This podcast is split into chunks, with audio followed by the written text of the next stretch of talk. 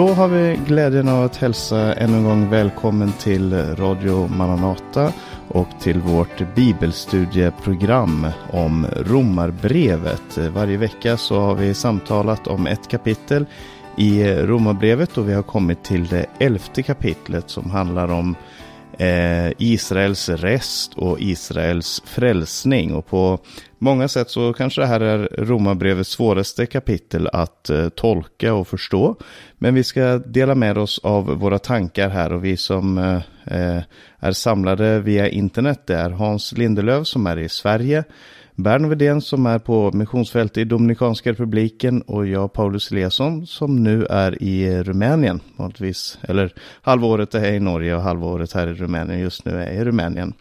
Eh, och som förra veckan så ska Hans få börja med att dela sina tankar här så jag överlämnar ordet till dig Hans. Varsågod. Det är eh, elfte kapitlet ja, i Romarbrevet och jag läser direkt här. Så frågar jag nu. Har då Gud förskjutit sitt folk? Bort det. Jag är ju själv en israelit av Abrahams säd och av Benjamins stam. Gud har icke förskjutit sitt folk som redan förut hade blivit känt av honom. Eller vet ni icke vad skriften säger, där den talar om Elia, hur denne inför Gud träder upp mot Israel med dessa ord. Herre, de har dräpt dina profeter och rivit ned dina altaren. Jag alena är kvar och det står efter mitt liv. Och vad får han då för svar av Gud? Jo, jag har låtit bli kvar åt mig sju tusen män som icke har böjt knä för bal. Likaså finns och i den tid som nu är en kvarleva i kraft av en utkårelse som har skett av nåd. Men har den skett av nåd så har den icke skett på grund av gärningar, annars vore nåd icke mer nåd. Hur är det alltså? Vad Israel står efter, det har de icke fått. Allenast de utvalda har fått medan de andra har blivit förstockade. Så är ju skrivet, Gud har givit dem en sömnaktighetens ande, ögon som de icke kan se med och öron som de icke kan höra med. Så är det ännu idag. Och David säger, må deras bord bli dem till en snara, så att de blir fångade, må det bli dem till ett giller så att de får sin vedergällning. Må deras ögon förmörkas så att de icke ser böj deras rygg alltid. Så frågar jag nu, var det då för att det skulle komma på fall som det stapplade bort det? Men genom deras fall har frälsningen kommit till hedningarna för att de själva ska upp uppväckas till avund. Ja, det är de första elva verserna i det här kapitlet. Och han fortsätter alltså det som han varit inne på redan i både kapitel 9 och 10 om Israels förstockelse. Och det är ju ett oerhört ämne. När han presenterar eh, sitt ärende i de första kapitlen. Då får han ställa en, helt, en fråga av helt annan karaktär i det tredje kapitlets inledning. Då, då heter det så här. Vilket företräde har då judarna? Eller vad gagn har det av omskärelsen? Det är ju en annan fråga, en fråga av en annan karaktär än den här frågan då i elfte kapitlet. Har då Gud förskjutit sitt folk? Att ha ett företräde eller att ha blivit förskjuten. Det här säger någonting om den verkligen mycket och de stora kontrasterna som man möter just i det judiska folket. Och när han presenterar budskapet så gör han ju det på det sättet som trogen Jesus säger han att frälsningen, gör han klart att frälsningen kommer från judarna. Men när han går in på det här området om att de har faktiskt vänt sig bort ifrån Herren Jesus Kristus generellt sett och ifrån det glada budskapet. Då, då, kommer, då kommer han att få ställa den här frågan. Har då Gud förskjutit sitt folk? Men han, är, han dröjer ju inte med svaret. Bort det. Jag är ju själv en israelit av Abrahams säd och av Benjamins stam. Gud har inte förskjutit sitt folk som redan förut hade blivit känt av honom. Det finns en tyngdpunkt hos det judiska folket, det Israels folk. Och det, den tyngdpunkten finns alltjämt och den finns rätt genom hela frälsningshistorien. Och jag tycker ju att han avslutade tionde kapitlet genom att liksom på sätt och vis eh, får han fram det här när han citerar vad Moses säger om Israels öde i, i 19 versen. Jag, säger Moses, eller å Herrens vägnar säger Moses, jag ska uppväcka er avund mot ett folk som icke är ett folk. Mot ett hedna folk utan förstånd ska jag reta er till vrede. Med den här versen så kommer ju liksom församlingen, den kristna församlingen, att väga rätt lätt jämfört med Israels tolv stammar. Men tack och lov, det är ju inte bara det som är församlingens roll, att vara en retsticka. Men det är faktiskt dels, det, det är en roll som församlingen har fått. Eh, att vara provokativ. Eh, det är väldigt mycket mer med församlingen, men just de här kapitlen handlar ju om Israels, så att säga, öde, deras förstockelse. Han tar då och påminner om, eh, tar exemplet från Elia. Eller vet ni icke vad skriften säger? Där den talar om Elias, hur denne inför Gud träder upp mot Israel med dessa ord. Herre, det har dräpt dina profeter och rivit ner dina altan. Jag alena är kvar och det står efter mitt liv. Ja, så bad ju profeten Elia han hade en väldig koncentration på Guds, så att säga, på Guds sak, om man säger som så. Han faktiskt var lite mer utförlig än så här. Om vi går till första konungaboken så beder han ju inte bara de har rivit ner dina altaren, ja. Dräpt dina profeter med svärd. Det var någonting mer också. Eh, vill jag minnas. Men i alla fall onekligen, jag får han fram det så här. Jag alena är kvar och det står efter mitt liv. Och vad får han då för svar av Gud? Jag har låtit, mig, jag har låtit bli kvar åt mig 7000 män som icke har böjt knä för barn.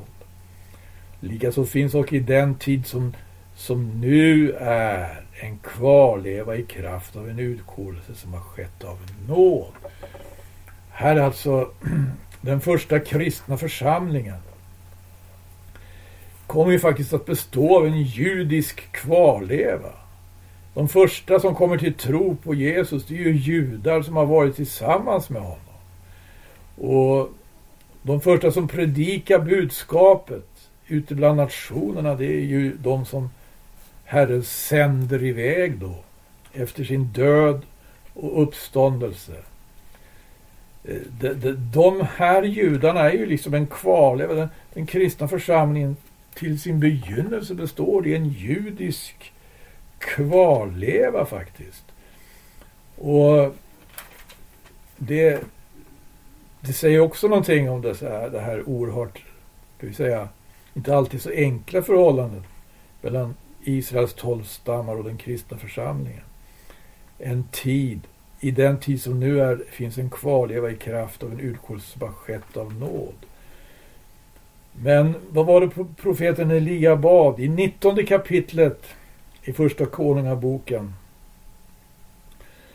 så beder han, jag har nitälskat, ja, i tionde versen, jag har nitälskat för Herren härskarornas Gud. För Israels barn har övergivit ditt förbund, övergivit ditt förbund rivit ner dina altaren och dräpt dina profeter med svärd. Alltså det är faktiskt ditt, ditt, dina här. Ditt, dina, dina. Det, det är Guds sak som han är så angelägen om. Men han, eh, han har också sig själv, sin egen, sitt eget öde med här. Jag alena är kvar och det står efter mitt liv. På ett, på, ett, på ett helt liknande sätt var ju aposteln Paulus helt koncentrerad på Guds verk, på Guds rike. Eh, men det här är ju eh, eh, ett konstaterande som är verkligen intressant. Lika så finns och i den tid som nu är en kvarleva i kraft av en utgåelse som har skett av nåd. Och sen kommer han till sjätte versen och den är ju faktiskt av eh, den är reducerad i 1917 och även i folkbibeln. Men inte i Karl XII, inte i King James och inte i ryska kyrkobibeln. För där har vi hela den här meningen. En utkårelse som har skett av nåd. Men har den skett av nåd så har den icke skett på grund av gärningar. Annars vore nåd icke mer nåd. Det slutar inte där enligt de nämnda översättningarna. Utan det fortsätter, men har den skett på grund av gärningar så är det icke mer nåd, annars vore det gärning icke mer gärning.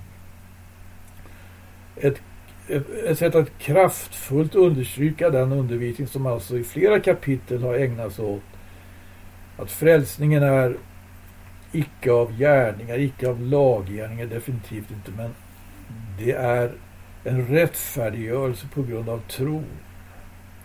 Och det är ju ett nådens verk. I sjunde versen går vi vidare med här då. Hur är det alltså? Vad Israel står efter. Vad märkligt vilka många frågor han ställer aposteln. Men han ställer ju de rätta frågorna. Det är bra att kunna ställa de rätta frågorna för det kan leda fram till de rätta svar. Här ställer han faktiskt rätta frågor som han på en gång också visar på vad svaren är. Hur är det alltså? Vad Israel står efter, det har de icke fått. Endast de utvalda har fått det, medan de andra har blivit förstockade. Så är ju skrivet, Gud har givit dem en sömnaktighetens ande ögon som de icke kan se med och öron som de icke kan höra med, så är det ännu idag. Och det var ju olyckligt, vilket öde va. Det har med det här förstockelsens öde att göra. Och David säger, må deras bord bli dem till en snara, så att de blir fångade. Må det bli dem till ett gill så att de får sin vedergällning och deras ögon förmörkas så att de icke se och, de, och böj deras rygg alltid. Här tänker han alltså inte bara på det här övergripande. Att Israel på sätt och vis generellt har avvisat Guds evangelium. Men han tänker ju på de särskilda omständigheterna som, som det gick till då med förräderiet och med pöbens rop, korsfäst kors och översteprästernas svek och intriger. Eh, men i elfte versen ytterligare en fråga. Så frågar jag nu. Var det då för att det skulle komma på fall som det stapplade bort det. Men genom deras fall har frälsningen kommit till hedningarna så att de själva ska uppväckas till avund. Israels historiska roll är alltså av den karaktären. Det här handlar det om ytterligare ett fall. Ett, kan vi säga, som liksom aposteln lyfter fram ett fall i femte kapitlet. Ett väldigt fall, syndafallet ifrån begynnelsen. Med Adam. Eh, som genom sin överträdelse faktiskt eh, föll. Och på det viset i, apost i Romarbrevets femte kapitel, vers 12 skriver aposteln så. Därför är det så, genom en enda människa har synden kommit in i världen och genom synden döden. Och så har döden kommit över alla människor eftersom de alla har syndat. Och han kallar honom för en förebild för den som skulle komma. Adam var en förebild. Det är en oerhört intressant eh, undervisning om, om det fallet. Men här har vi ett annat fall. I elfte versen så blir det framställt på det sättet. Var det för att det skulle komma på fall som det stapplade eller som en annan översättning säger. Var, var det för att de skulle fullständigt falla som de stapplade? Eller som de stötte sig?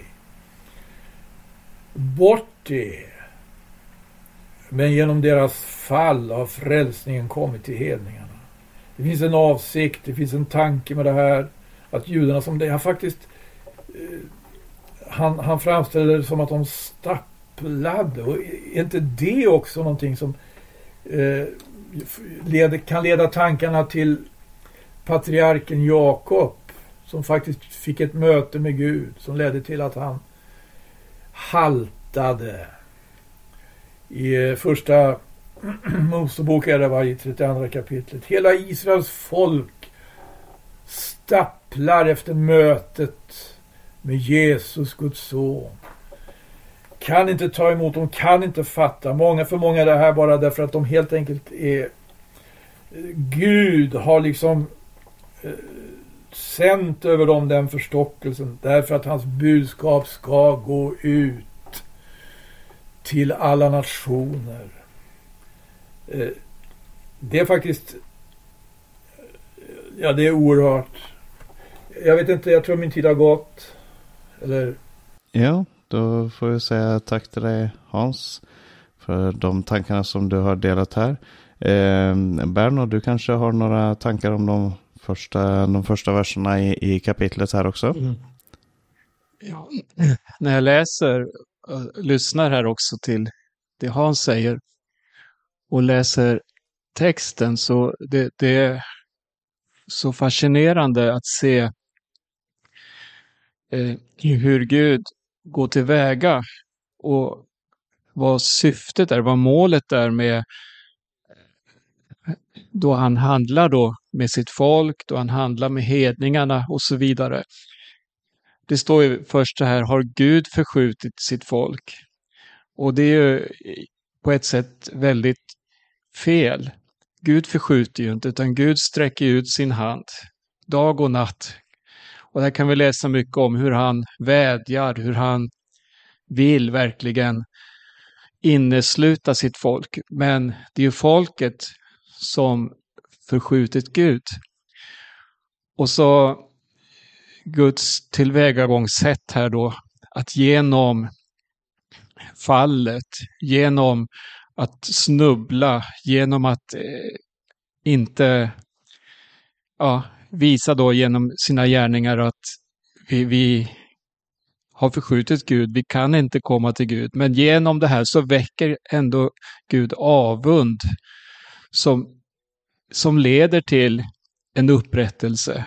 Just just det här är så stort tycker jag, att det är verkligen nåd över nåd att vi har fått evangelium på det här sättet. Amen. Ja, och ehm, eh, jag tycker att det här kapitlet, det kanske kan vara värt att sätta också romabrevet i, i en eh, slags historisk kontext. För att romabrevet är skrivet till en församling i Rom som bestod av både judar och hedningar.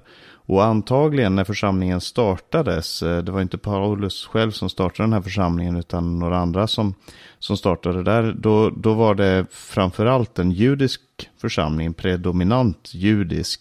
Men så skedde det att de fick eh, lämna Rom och de blev bortförda därifrån Rom, utvisade därifrån och förlorade sina hem där. Och så var det under en lång tid. Eh, och, och, det här var ju då naturligtvis människor som förlorade sin, sin, eh, ja, sina levnadsvillkor, sitt hus och hem och så vidare. De blev väldigt fattiga och levde som väldigt eh, utsatta i den här världen. Och sen till slut så fick de komma tillbaka till Rom och där var det ju fortfarande församling. Men den var nu predominant hednisk. Och så att mm, inte bara maktbalansen men överhuvudtaget balansen hade liksom skiftat i församlingen. Och jag tror att romabrevet är väldigt mycket skrivet för att, för att just bemöta, diskutera och ge vägledning i de här frågorna. Och det kommer vi nog se ännu mer när vi går in i kapitel 12, 13, 14 och så vidare. Där det handlar just om förhållandet mellan de starka och de svaga.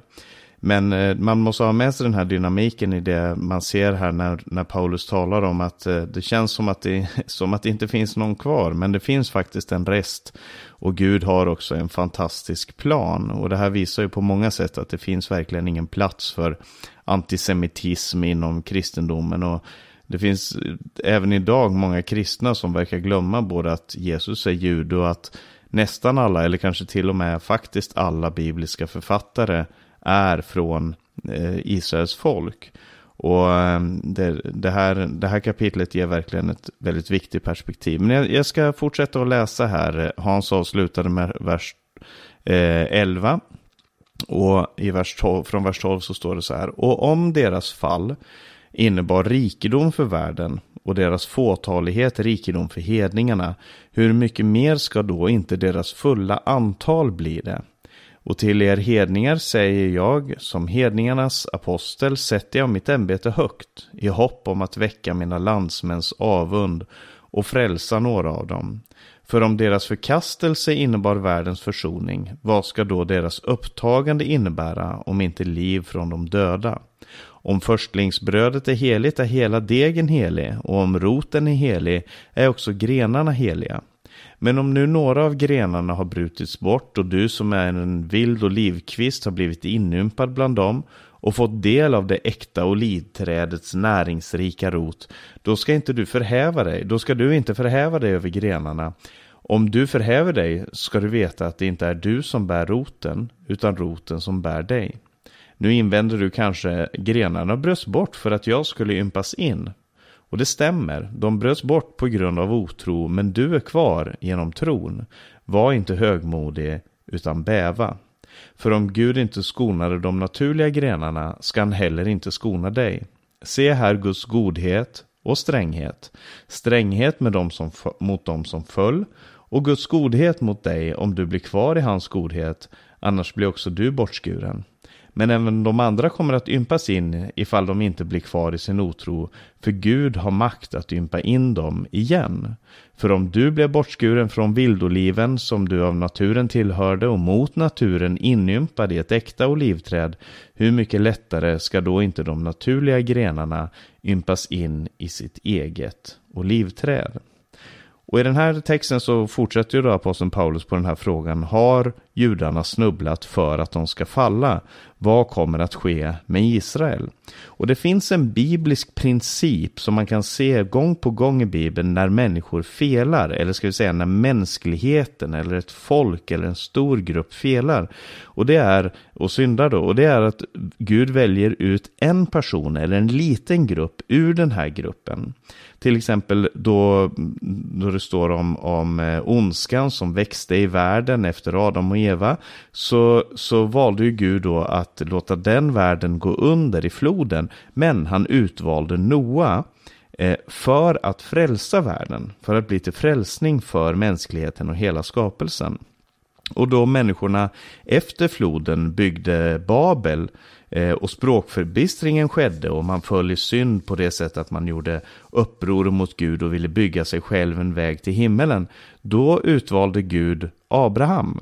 Inte för att han gav upp och sa att ja, ja, det där funkar inte, vi får försöka med en annan grej. Utan för att han ville välsigna världen genom Abraham. Alltså den, han, då han kallade Abraham så sa han, och i dig ska alla släkten på jorden bli välsignade. Alltså hela världen ska bli välsignad genom att Gud har utvalt en person. Eh, och på samma sätt så är det med Guds enfödde och unike son Jesus som vi kallar Messias eller Kristus. Han, är, han kallas i Bibeln för den sista Adam och den andra människan. Eh, han är en ny typ av människa. Han är den sista av Adams ett och han är en ny slags människa. Inte bara för att han skulle vara unik och förstfödd och enfödd och, och så vidare. Utan för att han skulle bli världen till frälsning.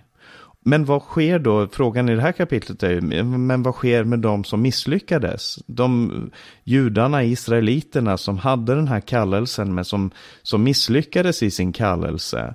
Och om Israel misslyckades i sitt uppdrag, vad händer då? Och många kan ju då tänka sig att ja, men då blir de förkastade. Och Paulus säger nej, det handlar inte om förkastande. Det handlar om förkastande för att bli upprättad. Först säger han om deras fall innebar rikedom för världen och deras fåtalighet rikedom för hedningarna, hur mycket mer ska då inte deras fulla antal bli det? Alltså deras fall innebar rikedom. De blev en välsignelse för världen så som Gud hade bestämt genom Jesus som kom ifrån, eh, ifrån Jakob, ifrån eh, eh, Juda, ifrån Davids eh, ett, ifrån Jesses rotskott helt enkelt. Jesse fick en ny son, inte bara David som dog, utan också Jesus från Nasaret som lever för evigt. Och det här var deras fall innebar att världen skulle upprättas så som Gud hade bestämt. Och deras fulla antal, eller deras upprättelse, det betyder att det finns en upprättelse och en fulltalighet för Israel. Gud har inte gett upp om det folket som han kallar det. Och så säger han så här till hedningarna, som då var i församlingen i Rom, säger han, som hedningarnas apostel sätter jag mitt ämbete högt i hopp om att väcka mina landsmäns avund och frälsa några av dem. Hans talade lite om det här, här när han talar om den här avunden som blir väckt. Men Paulus såg på sitt uppdrag som riktat mot hedningarna. Det här säger han ju också på andra ställen där han talar om Petrus som judarnas apostel och sig själv som hedningarnas apostel, även fast de bär på samma evangelium.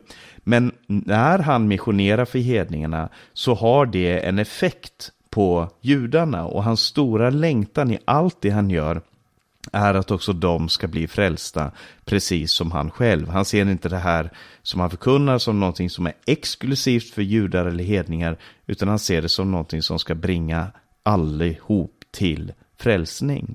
Och i den femtonde versen, för om deras förkastelse innebar världens försoning, vad ska då deras upptagande innebära om inte liv från de döda? Och eh, jag ser det här där han säger deras förkastelse och deras upptagande som innebär liv från de döda. Jag ser det som en eh, parallell till gamla testamentets eh, profet Hesekiel som fick se en syn av döda ben nere i en dal. Och det här var då en bild på Israel i fångenskapen i Babylon. Och Gud frågade, kan de här benen få liv igen? Och Hesekiel svarade, Herre, du vet det. Och precis på samma sätt som Gud formade människan ifrån stoft från marken när han skapade Adam. Eh, så i den berättelsen så blåser han liv i de döda benen i Hesekiels dal. Och Paulus använder den här bilden för att visa Gud ska återigen uppta Israel eh, och de ska få liv från de döda. Eh, om förstlingsbrödet, säger han i vers 16, är heligt så är hela degen helig. Och om roten är helig är också grenarna heliga. Och här använder Paulus bilden av det här trädet. Och det är ju någonting som han har gemensamt med väldigt många bibliska berättelser och liknelser. Det finns väldigt många bibliska berättelser och liknelser som handlar om, om träd som växer fram och vad de representerar. Just nu här i församlingen i Rumänien så har vi börjat läsa ifrån Daniels bok. Och vi vet att en av de visionerna, en av de drömmarna som, som Nebukadnessar har är det här trädet som han ser som, som sträcker sig ut över hela jorden. Eh, det är ett av de träden, det finns också berättelser i, i eh, domarboken om de här träden som kommer tillsammans och de får ofta representera riken, folkslag och så vidare. Men här använder han då bilden av ett ett eh, eh oljeträd eller olivträd och ser på det som, ja, vad ser han det som? Jag tror att det här handlar om Guds löftesträd, alltså Guds frälsningsträd. Alla de här Guds rika löften och det här livet som Gud önskar att inympa i världen, som han önskar att få in i den här världen, det är representerat genom det här trädet. Och så fortsätter han att förklara så här. Om nu några av grenarna har brutits bort och du som en vild olivkvist har blivit inympad bland dem och fått del av det äkta olivträdets näringsrika rot, då ska inte du förhäva dig över grenarna. Om du förhäver dig ska du veta att det inte är du som bär roten, utan roten bär dig. Och det här är ju en stor fråga. Vad gjorde egentligen Gud när han erbjöd frälsningen till hedningarna? Förkastade han judarna? Nej, vi vet det från det vi har läst tidigare att det gjorde han inte. Eh, å andra sidan är hedningarna underkastade judarna så att det är församlingens härskare. Nej, det är inte det heller. Utan det som hände var att Jesus bröt ner de murarna som skilde eh, människorna åt, som Paulus använder som bild i Efesebrevet. Och att han nu hanterar dem som ett folk i Kristus, de som satt sin tro till Guds Messias.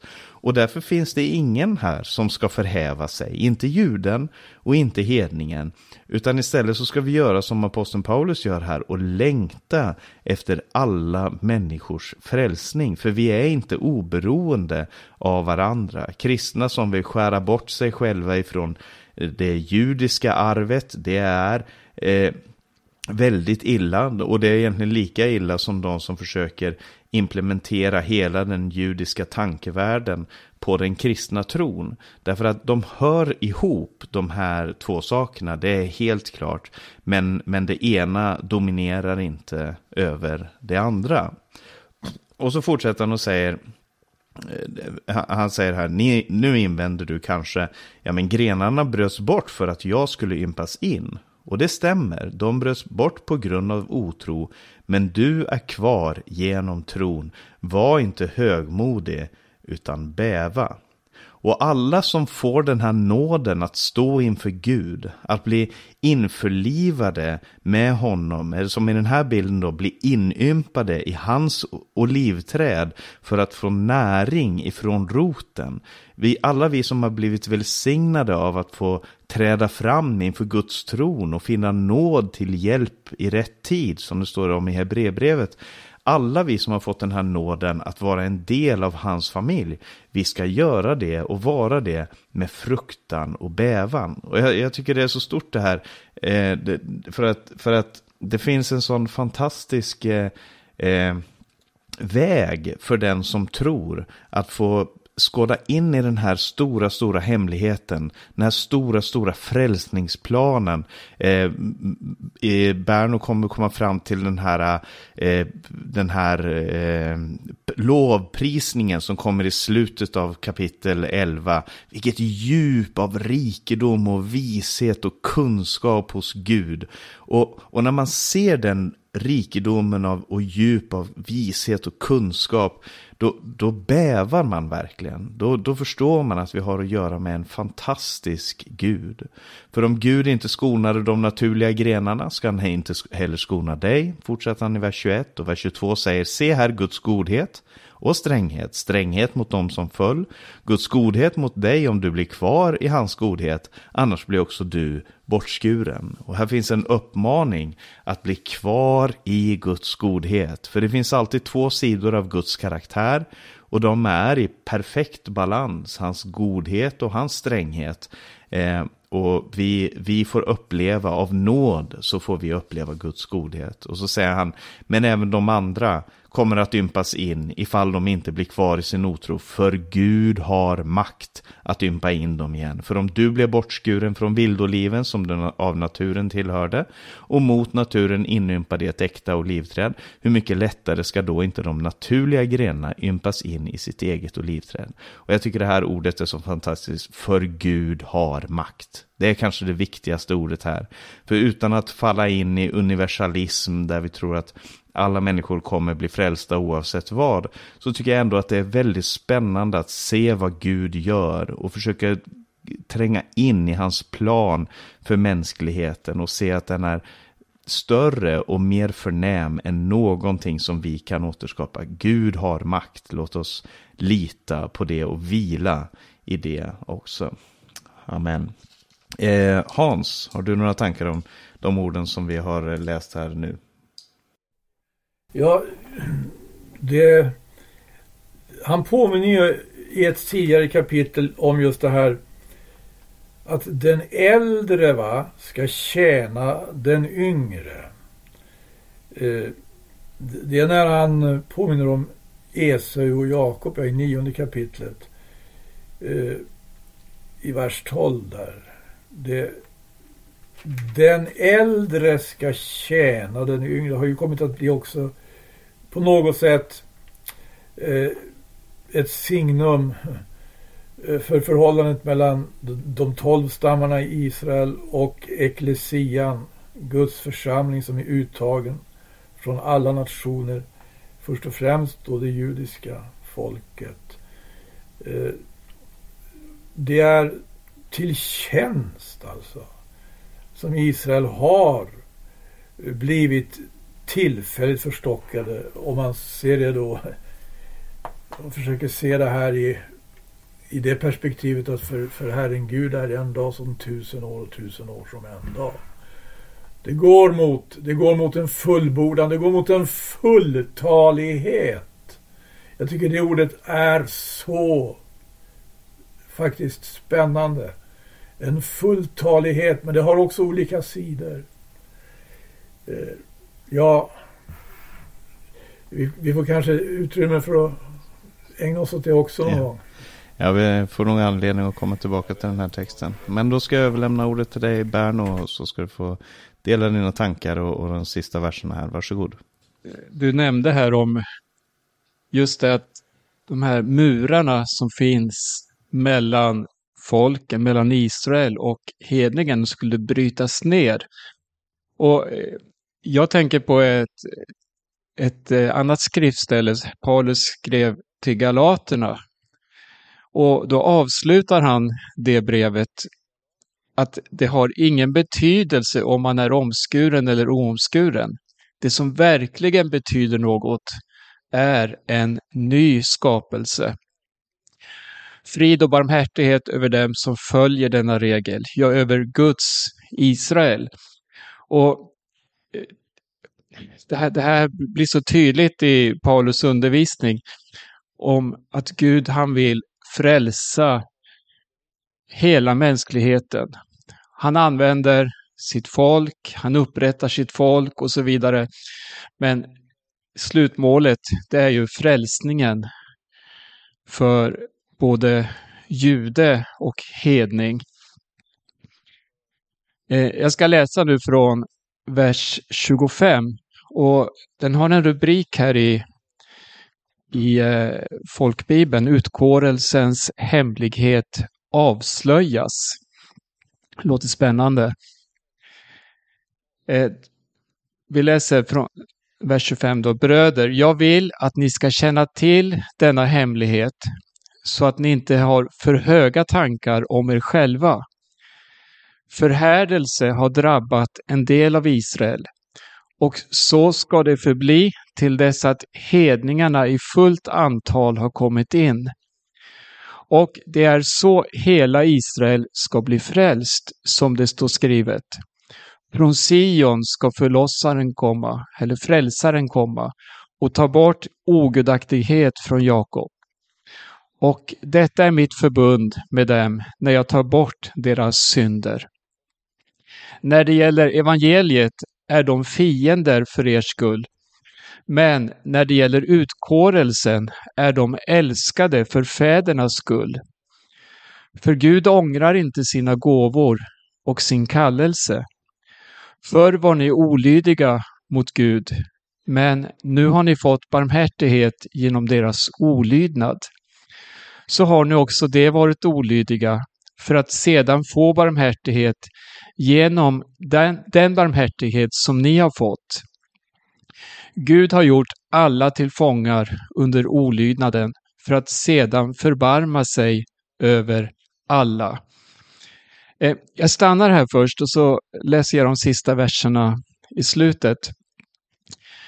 Eh, Paulus skriver här om att inte ha höga tankar om sig själv, alltså om er själva.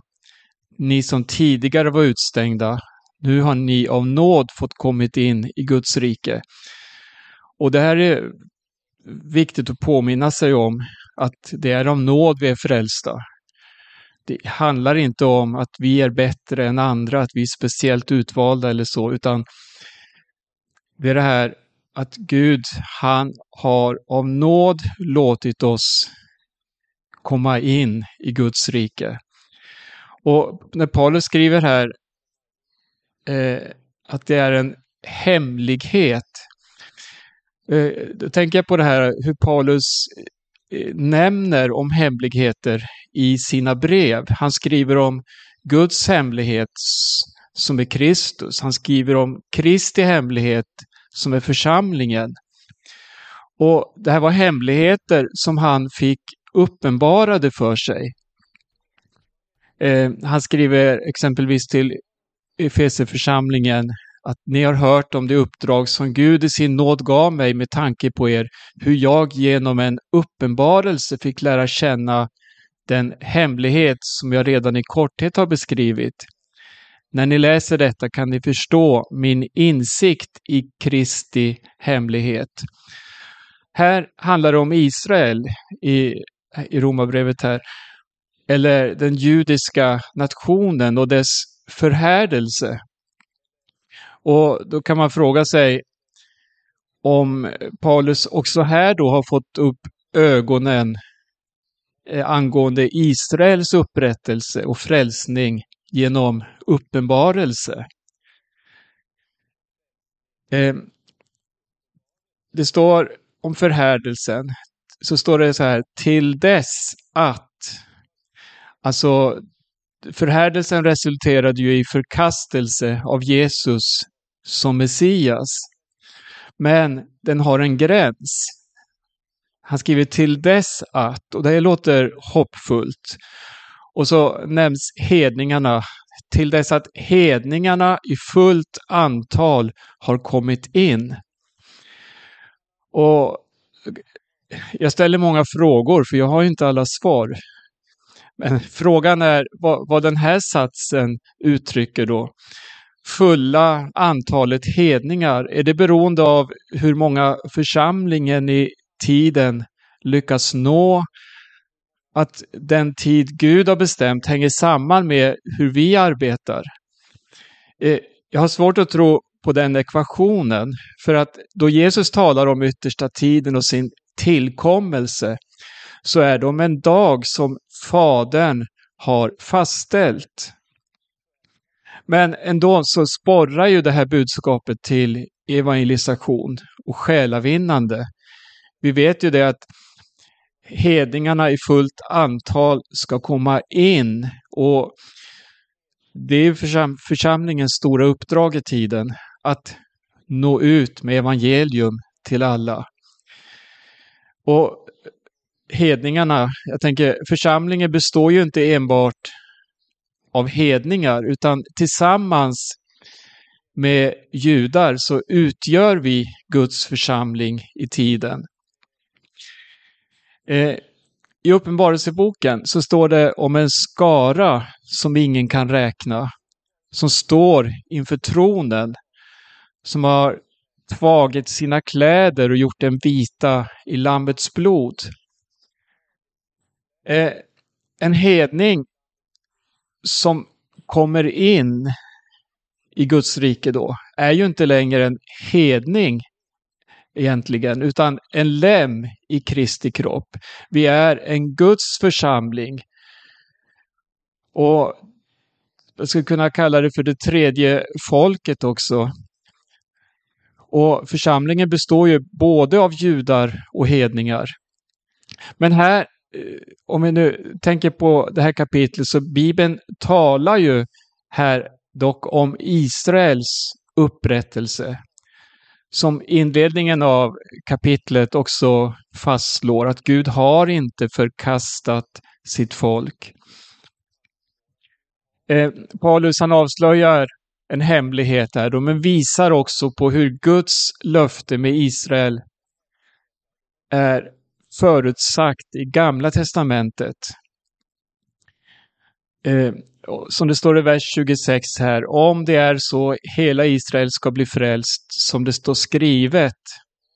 Så det är inte bara uppenbarelse, hemlighet som avslöjas, utan det är väl grundat, väl förskansat i Gamla Testamentets profetior. Från Sion ska frälsaren komma och ta bort ogudaktighet från Jakob. Och detta är mitt förbund med dem när jag tar bort deras synder. Och här tänker jag på ett, eh, ett, en profetia i Jeremia 31 och 31. Se dagar ska komma, säger Herren, då jag sluter ett nytt förbund med Israels hus och med Judahus. Inte som förbundet jag slöt med deras fäder den dag då jag tog deras hand och förde dem ut ur Egyptens land. Förbundet med mig som de bröt fastän jag var deras rätte herre, säger Herren. Nej, detta är förbundet som jag efter denna tid ska sluta med Israels hus, säger Herren. Jag ska lägga min lag i deras inre och skriva den i deras hjärtan. Jag ska vara deras Gud och det ska vara mitt folk. Ett löfte från Gud. Ett annat starkt bibelord eh, när det handlar om upprättelsen, det, det, det, det tycker, tycker jag vi ser här i Sakarja 12, den tionde versen. Då står det, men över Davids hus, över Jerusalems invånare ska jag utgjuta nådens och bönens ande, så att de ser upp till mig som de har genomborrat. De ska sörja över honom som man sörjer ende sonen. De ska gråta bittert över honom som man gråter över sin förstfödde. Och då ställer jag mig frågan, när Gud på det här sättet utgjuter nådens och bönens ande, vem kan då stå emot? Och när ska det här ske? Ja, jag vill inte spekulera. Det här är en fråga som skapat splittring och på liknande sätt som frågan om exempelvis Jesu tillkommelse. Men den här upprättelsen det står om i kapitlet här, hänger den samman med hans ankomst? Då allas ögon ska se honom. Johannes inleder Uppenbarelseboken med eh, eh, det här, se han kommer med molnen och varje öga ska se honom, även det som genomborrat honom och jordens alla stammar ska jämra sig för hans skull. Ja, amen. Här står det om en global påverkan. Det står alla stammar, inte alla folk. Och så står det även det som genomborrat honom. Och Petrus predikade på pingstdagen om denne Jesus som ni korsfäste. Ja, Gud ångrar inte sina gåvor och sin kallelse läser vi här också. Och Gud har gett en kallelse till sitt folk. Hedningen ställs mot juden. Båda uppmanas att ödmjuka sig, att inte förhäva sig eller sin ställning. Gud är den som, ja, inte, inte den som ger rättvisa, för då skulle vi egentligen alla falla under domen, men han är den som förbarmar sig över alla. Och så står det att Gud har gjort alla till fångar under olydnaden. Alltså Gud har lagt hela människosläktet under domen på grund av Adams fall. Men för att sedan förbarma sig över alla. Och här ser vi då genom den andra människan, genom Jesus. Nu ska jag läsa bara till sist här den, de tre, fyra sista verserna här. Som är en lovsång med flera citat från Gamla Testamentet. En oerhörd sammanfattning. O, vilket djup av rikedom och vishet och kunskap hos Gud. Hur outgrundliga är inte hans domar? hur ofattbara hans vägar. Vem har förstått Herrens sinne? Eller vem har varit hans rådgivare? Eller vem har gett honom något först så att han måste betala igen? Av honom, genom honom och till honom är allting. Hans är äran i evighet. Amen. Det här är oerhörda citat från olika profetior som Paulus lyfter fram här. Och eh, han skriv, Paulus skriver så här till församlingen i Korint. Vem har lärt känna Herrens sinne? Vem kan undervisa honom? Och så avslutar han så här. Men vi har Kristi sinne. Och här har vi ju hemligheten till rätt insikt, att ha Kristi sinnelag. Hemligheten till rätt förståelse av de här texterna, att ha Kristi sinnelag. Att äga Guds ande i sitt liv och låta det få vara med i vårt bibelstudium när vi läser och fröjdas över detta budskap. Amen. Tack ska du ha Berno. Ja, det är fantastisk eh, text och det ska ju sägas att vi nu, det här kapitlet blir en slags eh, avslutning på den första delen i, i Romarbrevet. Eh, Eh, kapitel 12 har en, en annan ton och, och, en annan inriktning, men det är en, det är en fortsättning av det som vi, har, som vi har läst här och jag tycker det är bara en helt otrolig, fantastisk avslutning på, på hela det här Ja, det som vi har läst hittills, vilket djup av rikedom och vishet och kunskap hos Gud. Ja, det, det, han, han har en fantastisk eh, plan. Eh, Hans, du kanske också har några kommentarer på det, det som vi har läst här? Alltså Berno kommer in på det här med att bittert sörja den förstfödde. Profeten Sakarias eh, ord om att, och så där det står att det ska se upp till honom som det har stungit. Aposteln Johannes tillämpar ju det ordet. Dels vid Golgata. Då de såg upp till honom. För han var ju upphöjd över jorden. Genom korset. Som han var fastspikad på. Och dels i förhållande till tillkommelsen då i Uppenbarelseboken. Och det är eh, helt oerhört tycker jag. Och se, försöka se in i den, i, i den profetian, Sakarias.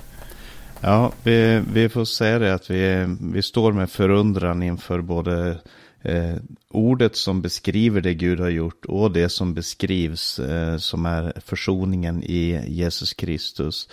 Och vi ska alldeles strax eh, avsluta vårt program här, men jag ska säga det också, som sagt, nästa gång så ska vi eh, gå in i kapitel 12 som ta, talar om det här. Vad betyder att vara en troende? Vad betyder att bära fram sitt, sitt liv inför Kristus? Att lämna sitt eget liv till honom som... Ja. Egentligen Paulus så talar han ju om församlingen. Ja, ja. Det är ju församlingen han kommer in på. Hittills har han talat om historien, om löftena om att som individ ta emot eh, evangelium och Israels öde. Men i, i det tolfte kapitlet faktiskt då kommer ju det här med församlingen som Kristus Ja, precis. Det med kroppen. Det, det kommer den här kärleken, älska varandra uppriktigt. Eh, det kom, han, ja, han, han ger en introduktion till det som ska komma senare i, i de följande kapitlen här. Och vi, vi ser verkligen fram emot att få, få den här, eh, ja, få, få en inblick i den här texten här också och få dela det med er. Och om Herren dröjer och vi får leva så blir det då eh, antagligen nästa vecka. Och fram till dess så får vi önska Guds rika välsignelse. Vi som har samtalat här var Berno Vidén, Hans Lindelöv, jag heter Paulus Eliasson och vi säger på återhörande.